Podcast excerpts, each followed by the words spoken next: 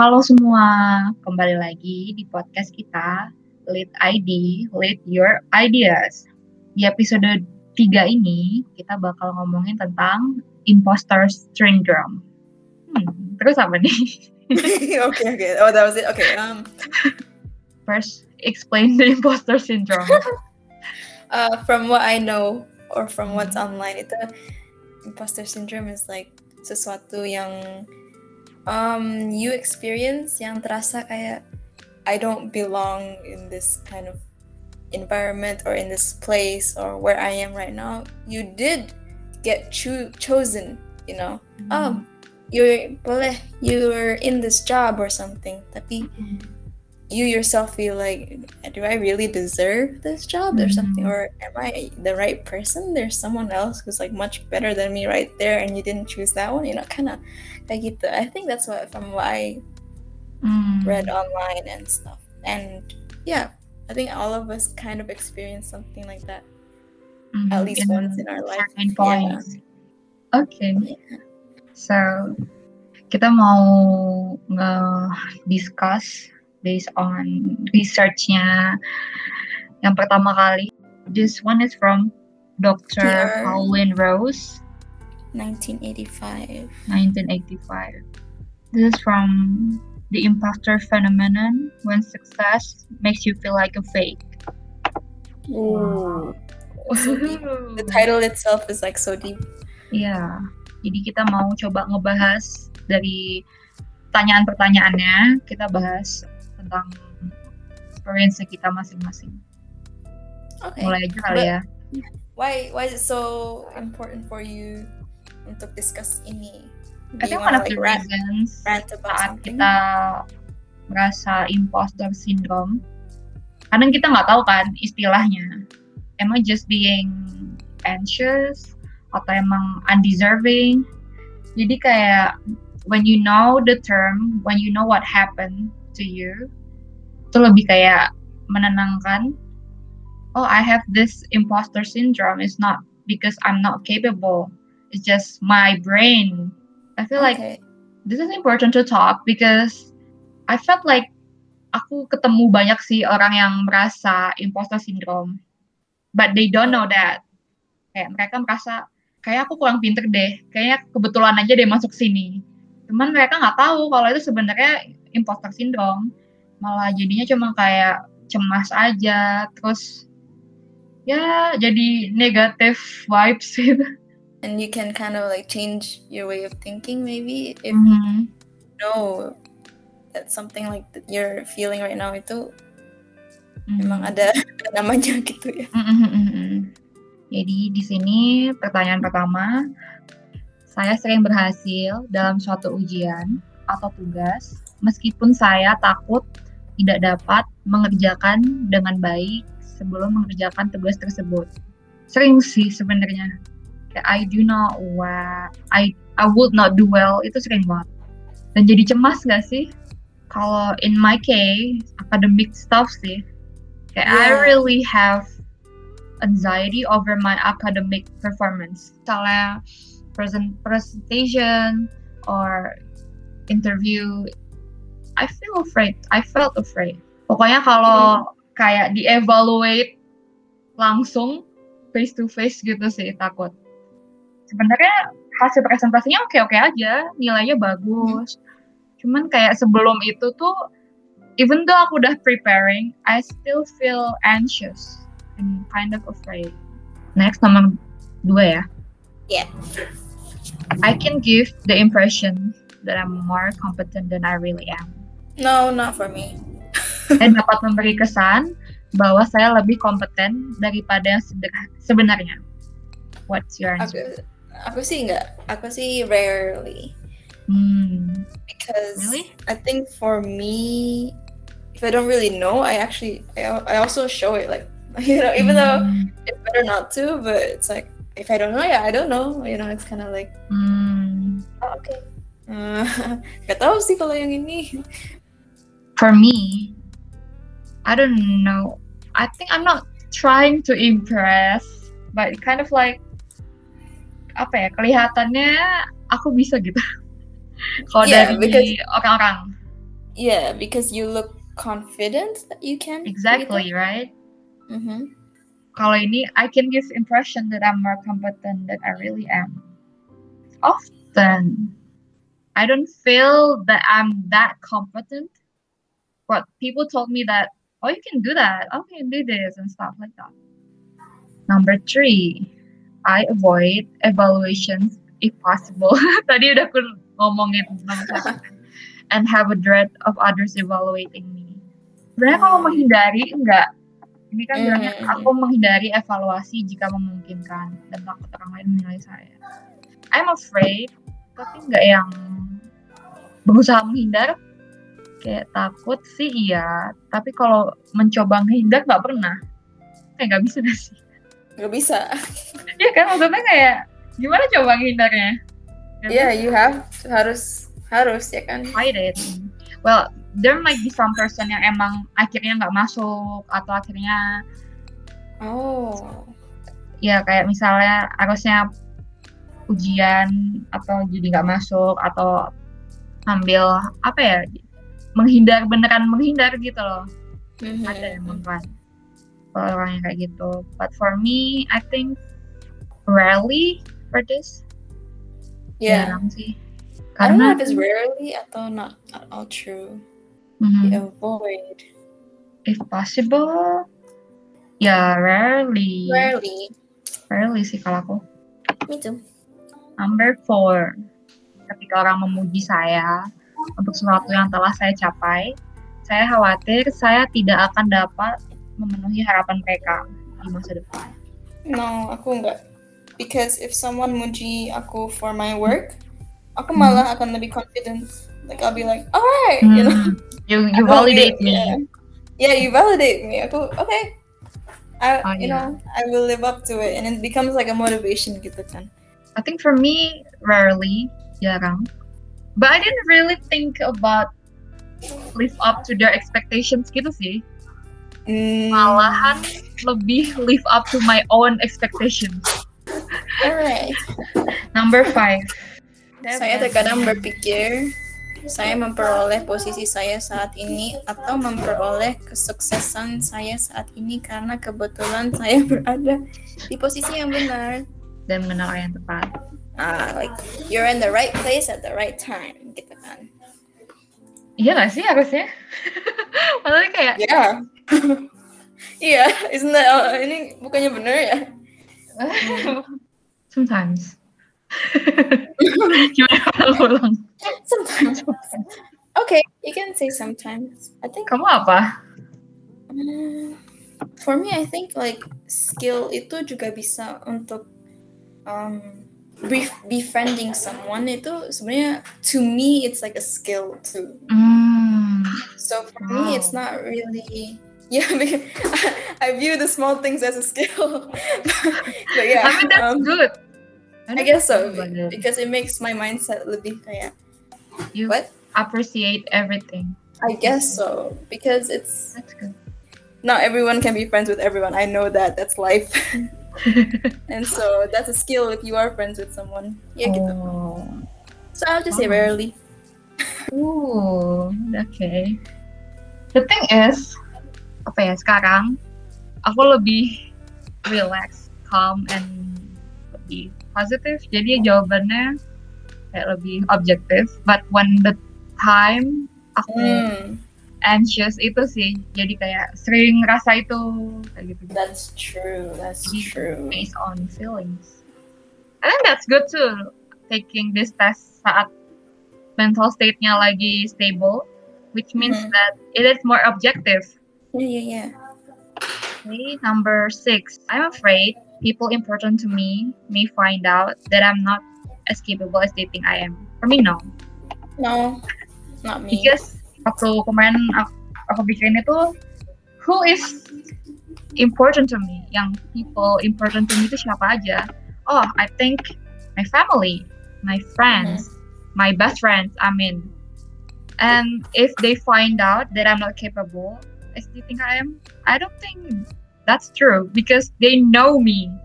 Like they know what I'm capable of, and they know what I'm not capable of. Yeah. So actually, Hmm. for this, not at all. Mm. yeah. Plus, plus if they're important to you, kan kayak Mm, if they look like, oh, you're not, you can't do that. Like I, I don't think they will like judge you. They'll be like, oh, it's okay. They'll they'll help you, malah, right? mhm. Mm, I think it's really important buat tahu siapa orang-orang penting di sekelilingmu. Is it your family? Is it your friend? Or probably your mungkin kalau teman-teman yang kuliah, mungkin dosen juga termasuk penting. Who knows? Dan aku juga merasa if they're important to you, pasti they will accept you as you are. Kalau misalnya dia tidak menerima kamu sebagai kamu, I think they're not important. I think they are wrong Yeah. people for you. All right. Next question. Next question, number seven. Saya cenderung mengingat kejadian kaji kejadian kejadian di mana saya tidak melakukan yang terbaik lebih dari saat-saat saya melakukan yang terbaik. Mm, Hmm, for me sometimes. for me, rarely, I think. Hmm, that's good. Yeah, I think You for you you try to forget bad memories. Yeah. Yeah. Like uh of course sometimes it comes up in my mind, right? Like Hmm. ah dulu aku harusnya kayak gini, lebih kayak gini gitu kan. Oh. But- Yeah. the thing for me, I never thought like back then I should be like this, I should be like that. Whoa, what is it? Tapi lebih kayak inget aja, tapi nggak nggak yang kayak harusnya aku gini, harusnya gitu enggak. Ah. Number eight, aku jarang melakukan proyek atau tugas sebaik yang aku inginkan. Mm, actually, yes, for me. Oh really? yeah, because yeah, I don't know. There are times where I do it like oh really well, and Mm. there's other times where it's like I want to do better, Mm. or like I feel like kayak agak perfectionist gitu kan, agak kayak Mhm. I mean it's already good. Like I like for me, oh this is good enough to be presented, Mhm. but it's not amazing, you know. and you do want to do the amazing thing. Yeah, it's a difficult. For me, honestly, I'm fine with all of my work. So rarely. Oh, that's good. Rarely? Oh, wow. Okay. jarang kan? Soalnya kayak honestly for me, I never expect my when I do things, when I do a project or I do a task, I just do it. I don't care about the result actually for Mm, myself. But sometimes what I'm afraid of itu tuh opinion dari orang. I'm fine with all of my works. Okay. Yeah, I think that's good enough. That's what I can do, and that's what my best ability. So really, actually, I'm Mm, satisfied with all of my work, but others might not, and I think Yeah. that's fine too. To be honest. I'll go with often, but I feel like I felt that way. Like I felt like oh perfectionist itu juga sering juga gitu, but I can't remember Hmm. when the times. So I'll just say Mm. often because aku sering like like I want to do better, Mhm. even though maybe, maybe for someone else it might have been already good, but for me it's like I want to do it better. So I'll just do often. Mm. Number nine. Sometimes. I feel or believe that my success in my life or in my job has been the result of some kind of error. Sometimes I feel that. No, not me. You you feel that? Yeah, sometimes. that? Okay. Uh, for me, case-nya lebih ke akademik, something like IUP. You know how we are judged and stereotype about our ability in academics. From the admission, itu kan kayak keterima gitu. I kind of like feel, is it really my ability or is it just because they, you know, there's no one who daftar lagi. Next. It's hard for me to accept compliments or praise about my intelligence or accomplishments. For me, not at all. Yeah. I'm gonna just thank you. I mean, I get shy Oh I yeah. get like like he stop gitu. but but but in my head I'm like, oh my god, that's so nice. Thank you, thank you. thank you, thank you. Not at all too. yeah, I don't think so. Oke. Nah, kadang-kadang saya merasa kesuksesan saya disebabkan oleh semacam keberuntungan. Jadi sukses kamu karena keberuntungan. Kalau aku sometimes, the thing is, mm, I feel beruntung every day. I mean, it's like feeling grateful, and I know this is luck, but it's not like only luck. Suksesku ya karena beruntung. Maksudnya kayak, ya kamu beruntung nggak sih bisa masuk sini? Ah, gimana ya? For me, I don't know if it's considered luck or not, but like kan in Islam you have to think um like you have to say like oh mashallah right you have to say because Mhm. oh you're you're born pretty oh mashallah or you're Mhm. intelligent oh mashallah because it's like like you know uh, okay for example you're intelligent right like Mhm. uh, yeah you're intelligent it's your success and stuff Mhm. but at the same time it's like oh who gave you the success like I, I was I Yeah, know, exactly, exactly. Karena emang yeah luck from Allah, Allah gave me that achievements. yeah it's like yeah you credit yourself but at the same time it doesn't feel like you're crediting yourself because it's kind of like oh it's all because of allah right you know kind of like that it's actually much nicer to think that way because you would think that way about yourself and you would think that way about other people too if they gain achievement to make yourself not feel like jealous or make yourself feel Yeah, but it's like ah because you know mashallah it's because you know allah gave them Allah gave me. so in a way, it's not really a bad thing if if it's like that. But I don't know. I'll just say rarely then for that. Oke. Kadang-kadang saya kecewa dengan pencapaian saya saat ini dan berpikir bahwa saya seharusnya mencapai lebih banyak lagi. Yeah, I think for me, yeah. So often, are you disappointed though?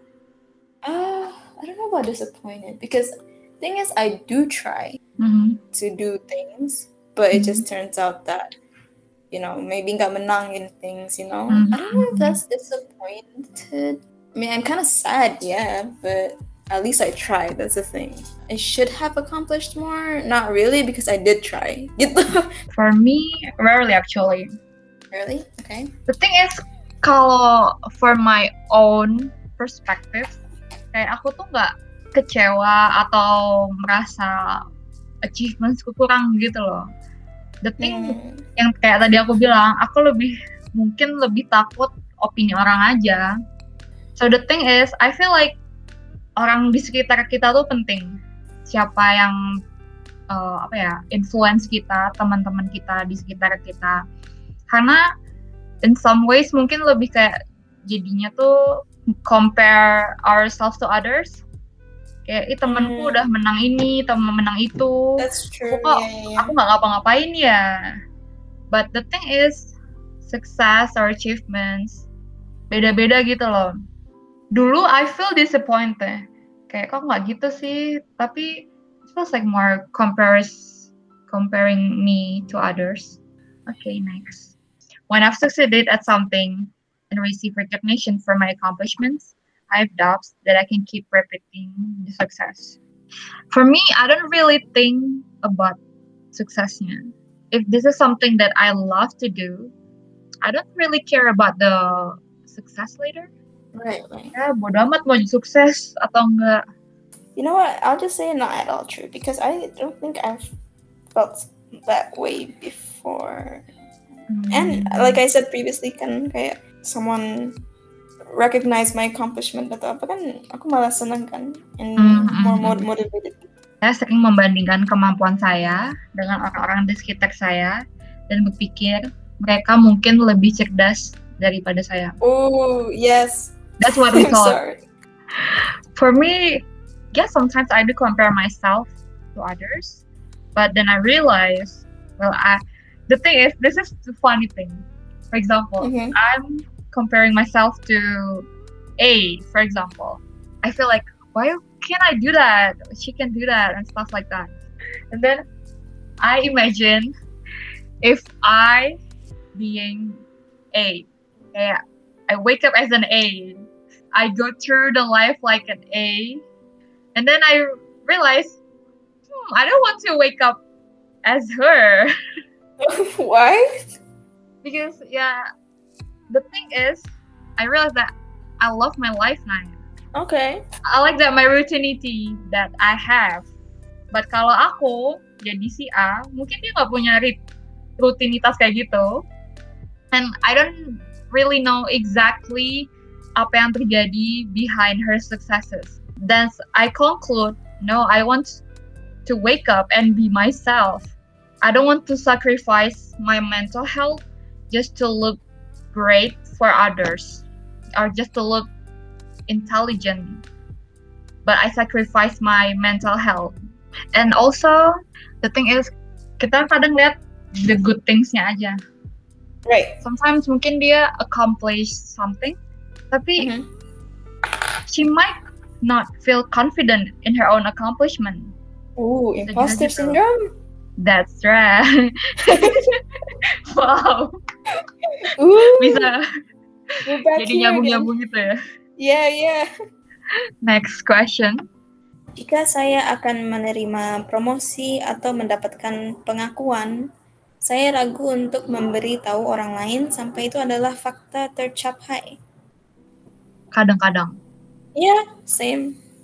Karena karena kayak takut takabur padahal belum terjadi tapi udah pamer sana sini is But that imposter I think- syndrome? I don't know I thought it was like a fact. I thought it was Yeah. something yang okay. Y- ya well ini di tahun berapa nih buatnya 1985 1985. Yeah. so yeah probably different cultures different tones Yeah, maybe different culture actually. Mhm. Yeah. different generation for sure Bisa jadi. Saya merasa buruk dan putus asa jika saya bukan yang terbaik atau setidaknya sangat istimewa dalam situasi yang melibatkan pencapaian. I mean, I feel bad ya, but I don't feel discouraged. Do I? Nggak putus asa gitu loh. oh iya sih sometimes Maybe, is it sometimes? aku juga This case. sometimes ya kayaknya tendensi manusia deh pingin diakuin Iya. pengen dikonfirmasi, pengen divalidasi. Jadi kesannya kalau misalnya kita do the work, like do the same work with others, tapi yang di-validate atau yang paling bagus di orang ini, kita merasa kayak kerjaanku biasa aja ya ternyata.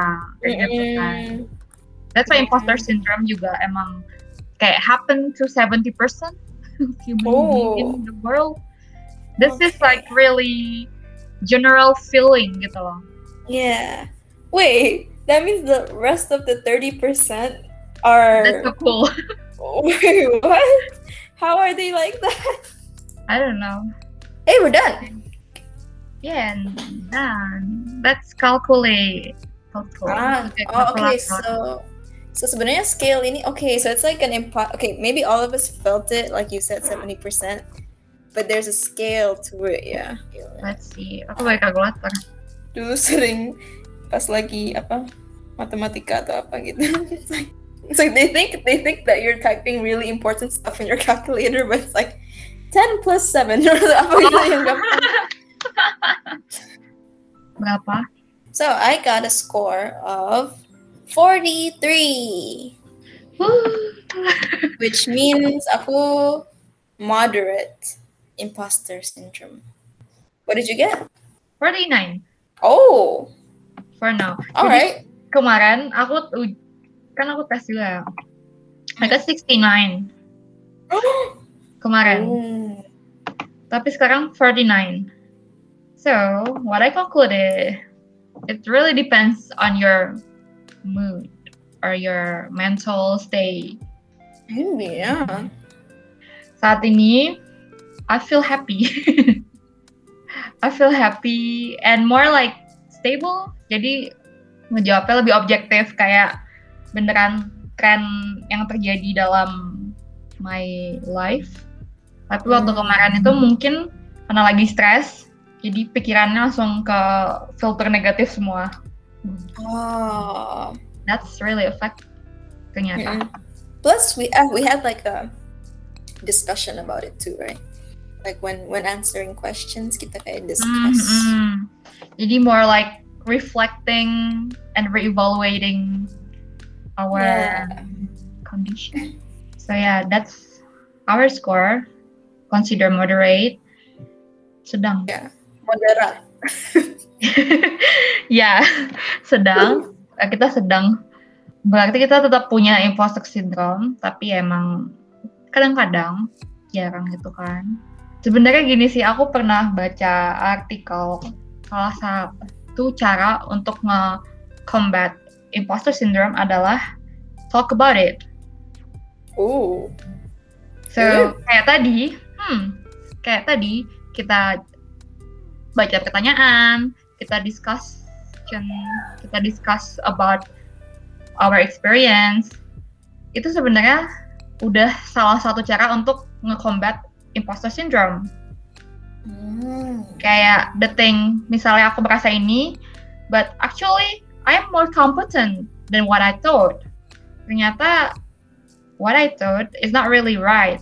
Jadi one ways to combat, one of the ways to combat imposter syndrome actually to talk about it and to find others who felt the same way. Kayak misalnya aku merasa kayak takut nih, terus temannya lain juga, aku juga takut. Kayak banyak gitu yang takut. Itu lebih kayak, oh ternyata nggak aku doang kok, yang lain juga gitu. Jadi it's more like awareness. Jadi self awareness itu penting banget sih. Kayak kemarin juga waktu aku anxious about presenting stuff okay in the morning i was like very anxious i was i was crying though because i'm so afraid. I was so afraid. Because oh. and then i i, I ate breakfast. I remember the term of imposter syndrome. And then after i remember that it makes me more like oh iya ya dia tuh imposter syndrome loh Saf. Kamu tuh nggak gitu sebenarnya. Kamu tuh capable. And then I remember I remind myself that of course you make mistakes. This is your very first time writing scientific journal. This is your very first time doing lab work doing research in chemistry especially. So that's very normal if you have a lot of mistakes. Kayak gitu loh. Jadi when I talk about it and when I talk about what I'm afraid of kenapa kayak gitu misalnya aku takut nanti nilainya jelek. Emang kalau nilainya jelek kenapa sih apakah teman-teman bakal ngejarin aku? Apakah aku bakal dimarahin? Kenapa sih takutnya tuh kenapa? Kayak gitu kan. Pasti ada alasan. In my case that doesn't really gonna happen. Well my parents still gonna love me. Paskia will still be my friend. And others will still help me gitu. I think talking about that about what you're feeling itu really important self awareness itu emang penting banget kayak last time I check it's 69 for now it's 49 49 yeah 49 so minus 20 yang berkurang wow it's a lot. Exactly.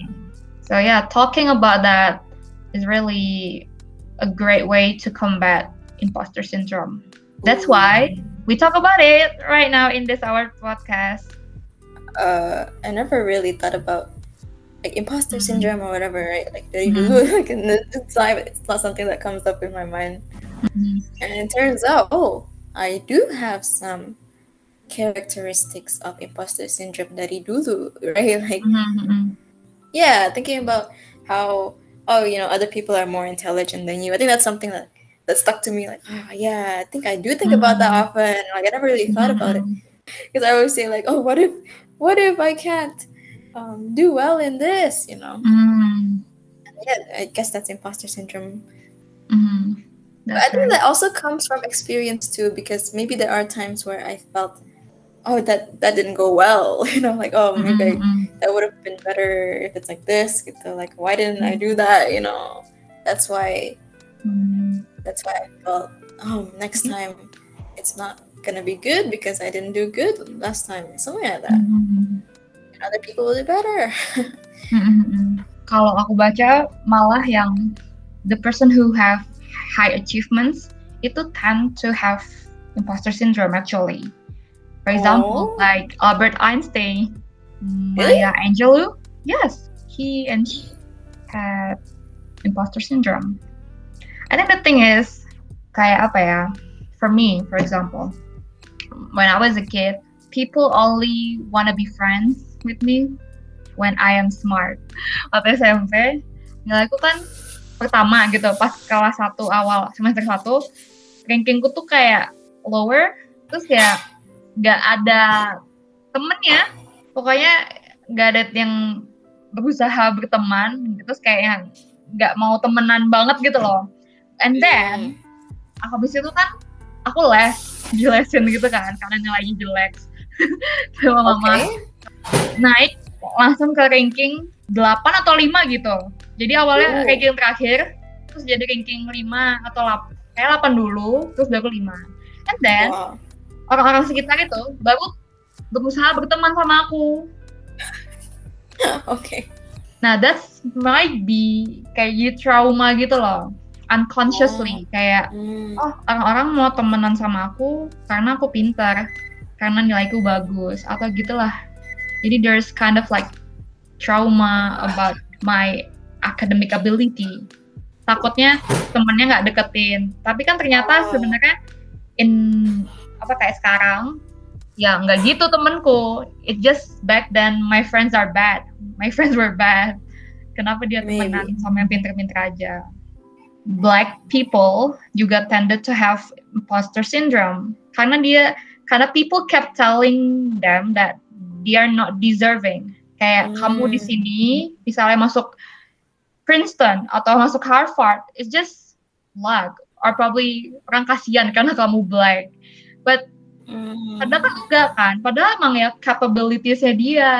Cuman ya itu, jadi emang imposter syndrome itu eh, salah satu apa sih kayak alasan kenapa terjadi ya pengalaman dari kecilnya, terus sistematis juga, jadi kayak institusi malah jadi kayak mendiskriminasi yang nggak terlalu bagus nilainya in terms of just padahal di paper doang ya belum tentu Iya, juga pinter aslinya gitu. That's the academic side, right? Tapi I think it also happens pas not in the academic side, but like in misal you go to uh, another country or something, right? Mm. And then you you're the, the one that's different. Yeah, you look physically different, or maybe you talk different atau apa gitu. Juga sebenarnya kadang juga rasa gitu, right? Like oh I'm not. Why am I here? like everyone Mhm, else yeah. is like this. I'm like this I don't belong here. oh I don't belong here or or even like going to uh, like branded stores like for me it Mm. feels it feels kind of like like I don't usually wear these kind of branded things so Oh, like yeah, will exactly. the person who's layanin itu kayak nanti pikir aku gimana gitu like from my outfit from, like you know Mm. most people come with really nice outfits or they're used to buying these branded stuff Mhm. jadi kayak so I, if, if I go to a branded place it feels like I don't belong to like something like that that's like outside of Mhm. academic For example ya, is that my very first time to go to Starbucks, but I rarely go to there. Tapi kalau ke Starbucks, kesannya tuh vibes-nya Yeah. beda gitu loh. Kayak yeah, yeah, yeah. it feels like someone staring at me if I look kayak bingung mesennya gimana. Uh-huh, uh-huh, uh-huh. it's like oh you don't know how to person you don't Iya, stay at kayak- Starbucks Exactly, exactly. That's what I felt juga. Bener sih itu juga kayak oh gosh that's back at what I've talked uh, about tadi lebih ke opini orang kan. Balik lagi kita terlalu care about what other people think about me kayak gitu sih yang That's buat true. jadi padahal ya if you're you know you doesn't care about others kayak ya udah sih go Mhm. ahead gitu kan sebenarnya still Yeah. trying to feel confident in our own skin color. yeah, our own abilities, own skin. yeah yeah, okay, that's good. That's a good lesson. uh, intinya if you feel kayak emang merasa nggak pantas di situasi yang kamu jalani sekarang coba deh diomongin. Kalau nggak ada yang diajak omong sebenarnya ngomong sendiri juga bisa sih. Kayak mengevaluasi aku takut kenapa sih? Kenapa sih aku merasa kayak gini? Uh, apakah itu bakalan terjadi beneran bakal terjadi? Dilihat secara objektif salah satu cara untuk combat imposter syndrome adalah talk about it. Cari temen juga. Dan trying to feel confident in your own skin. Well i i don't know. I didn't really think about imposter syndrome before. Like i said but it turns out that it's something that's kind of uh, normal to experience and you're not the only mm-hmm. one yang rasa kayak gitu I mean, there is a scale of how much imposter syndrome you feel, mm-hmm. but yeah, like knowing about it helps a lot. Because then, if you think if you're in that situation again, like oh, cool, I don't think I'm fit in this group or whatever, you think back and say, wait, you know, this is this is that feeling again. That's this imposter syndrome again. No, you're even if you don't feel okay, you belong in the group, you know, because you're in that group, it means something, right? It means mm-hmm. they trust. So I also yeah. uh, remember when you talk about it. Awalnya kamu nggak tahu kalau ini imposter syndrome. The thing is, emang banyak sekali manusia orang di luar sana nggak tahu ternyata yang dialamin itu ada termnya, ada istilahnya. Makanya tadi self awareness itu penting banget jadi kayak menyadari apa sih yang terjadi di diri kita, kenapa kita merasa kayak gitu, supaya kita jadi better person kan. Jadi itu. Yeah. Semoga dengan mendengar podcast ini, teman-teman yang mendengar bisa jadi lebih tahu lagi tentang dirinya sendiri. And by the way, kita bukan psikologis, jadi ini lebih based on our experience saja. Kalau emang yeah. kalian merasa terganggu dengan imposter syndrome ini yang menyebabkan mungkin anxiety or depression, kalian bisa coba consult to professional. Jangan sama kita. if you if you want to have someone to talk to, it's okay sama kita. Yeah. But like if you want a professional help, mm-hmm. like a real you know a, professional approach. Kalian bisa contact with psychologists I think there's a lot right now on Instagram juga ada online consultation kayak gitu. Oh. begitu. So I hope you gain something dari podcast kita. Dan semoga kita lebih confident dengan diri sendiri and not comparing ourselves to others. Terima kasih semua sudah mendengarkan. Terima kasih sudah mendengarkan uh, episode kali ini tentang imposter syndrome. Yay, sampai jumpa episode selanjutnya. Dadah. Bye.